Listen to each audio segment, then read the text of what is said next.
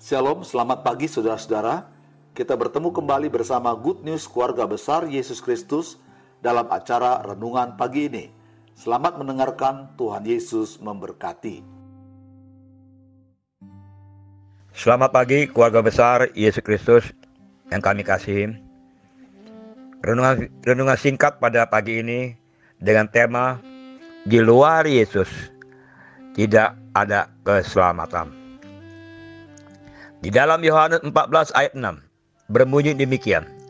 Kata kepadanya, Akulah jalan dan kebenaran dan hidup.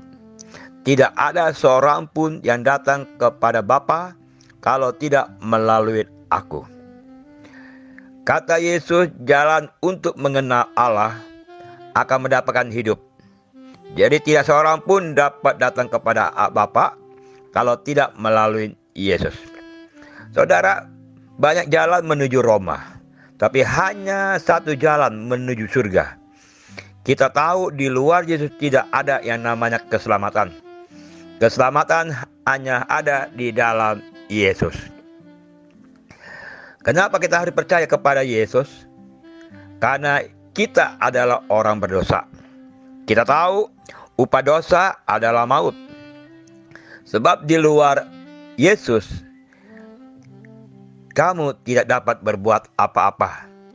Dalam wejangan atau nasihat Yesus kepada murid-muridnya dengan secara tegas bahwa di luar dirinya atau di luar Yesus kita tidak mampu berbuat apa-apa. Janganlah hanya memanggil nama Tuhan, tetapi harus melakukan kehendak Tuhan supaya tidak ditolak oleh Tuhan. Di dalam Matius 7 ayat 21. Bukan setiap orang yang berseru kepadaku, Tuhan, Tuhan, akan masuk ke dalam kerajaan surga, melainkan dialah yang melakukan kehendak Bapakku yang di surga. Janganlah kamu khawatir mengenal keselamatan apa pun. Di dalam ke, dalam segala hal, berdoalah dan ajukanlah permintaanmu kepada Allah apa yang kalian perlukan. Beritahulah selalu kepada Allah. Hidup dalam kebenaran ada keselamatan. Menurut jalan Tuhan artinya kita harus hidup menurut rencana Tuhan.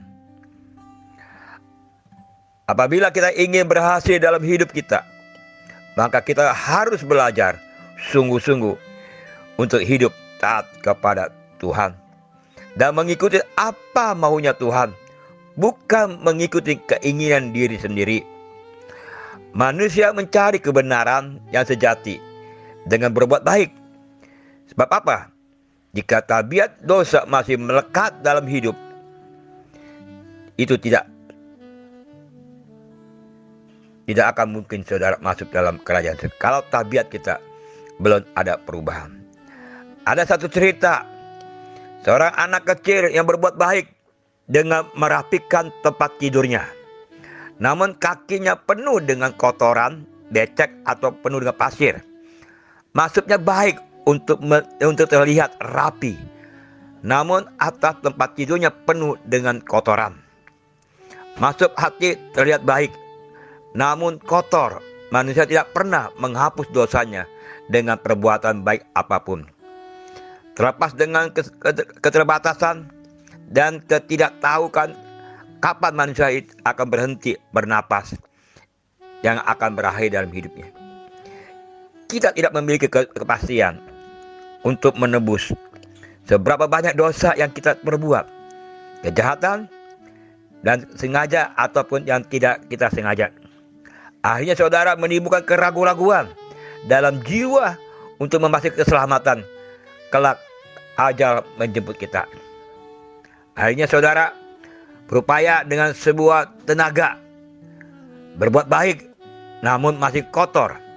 Kapan bagian cara untuk masuk keselamatan? Agama tak akan pernah menyelamatkan. Apalagi orang yang terlibat agamawi dan salah. Tak mampu untuk menyelamatkan ibarat seorang yang tidak berenang, orang yang berenang mencemplungkan tubuhnya ke dalam kolam renang. Namun ia berusaha menarik rambutnya sendiri dengan tujuan untuk menjangkau tubuhnya agar tidak tenggelam. Artinya, manusia tak mampu menolong dirinya dan menyelamatkan dirinya. Ada kabar baik bagi Anda. Kabar baiknya, datanglah dan menerima Yesus sebagai Tuhan dan Juru Selamat. Karena di dalam Tuhan sumber yang pasti. Pemimpin dunia yang tidak tidak ada yang berani, yang tidak pernah mengatakan bahwa akulah jalan kebenaran dan hidup. Hanya Yesus. Dengan lantangnya ia mengucapkan kal kalimat dia sanggup mengubah hidupmu. Yesus sanggup memberikan kedamaian di dalam hatimu yang kosong. Tanpa Yesus, kita tidak bisa ada keselamatan. Sebab itulah, tetaplah tekun kepada Tuhan. Kita menyadari bahwa apa pun perbuatan kita, itu tidak menjamin untuk masuk dalam kerajaan surga.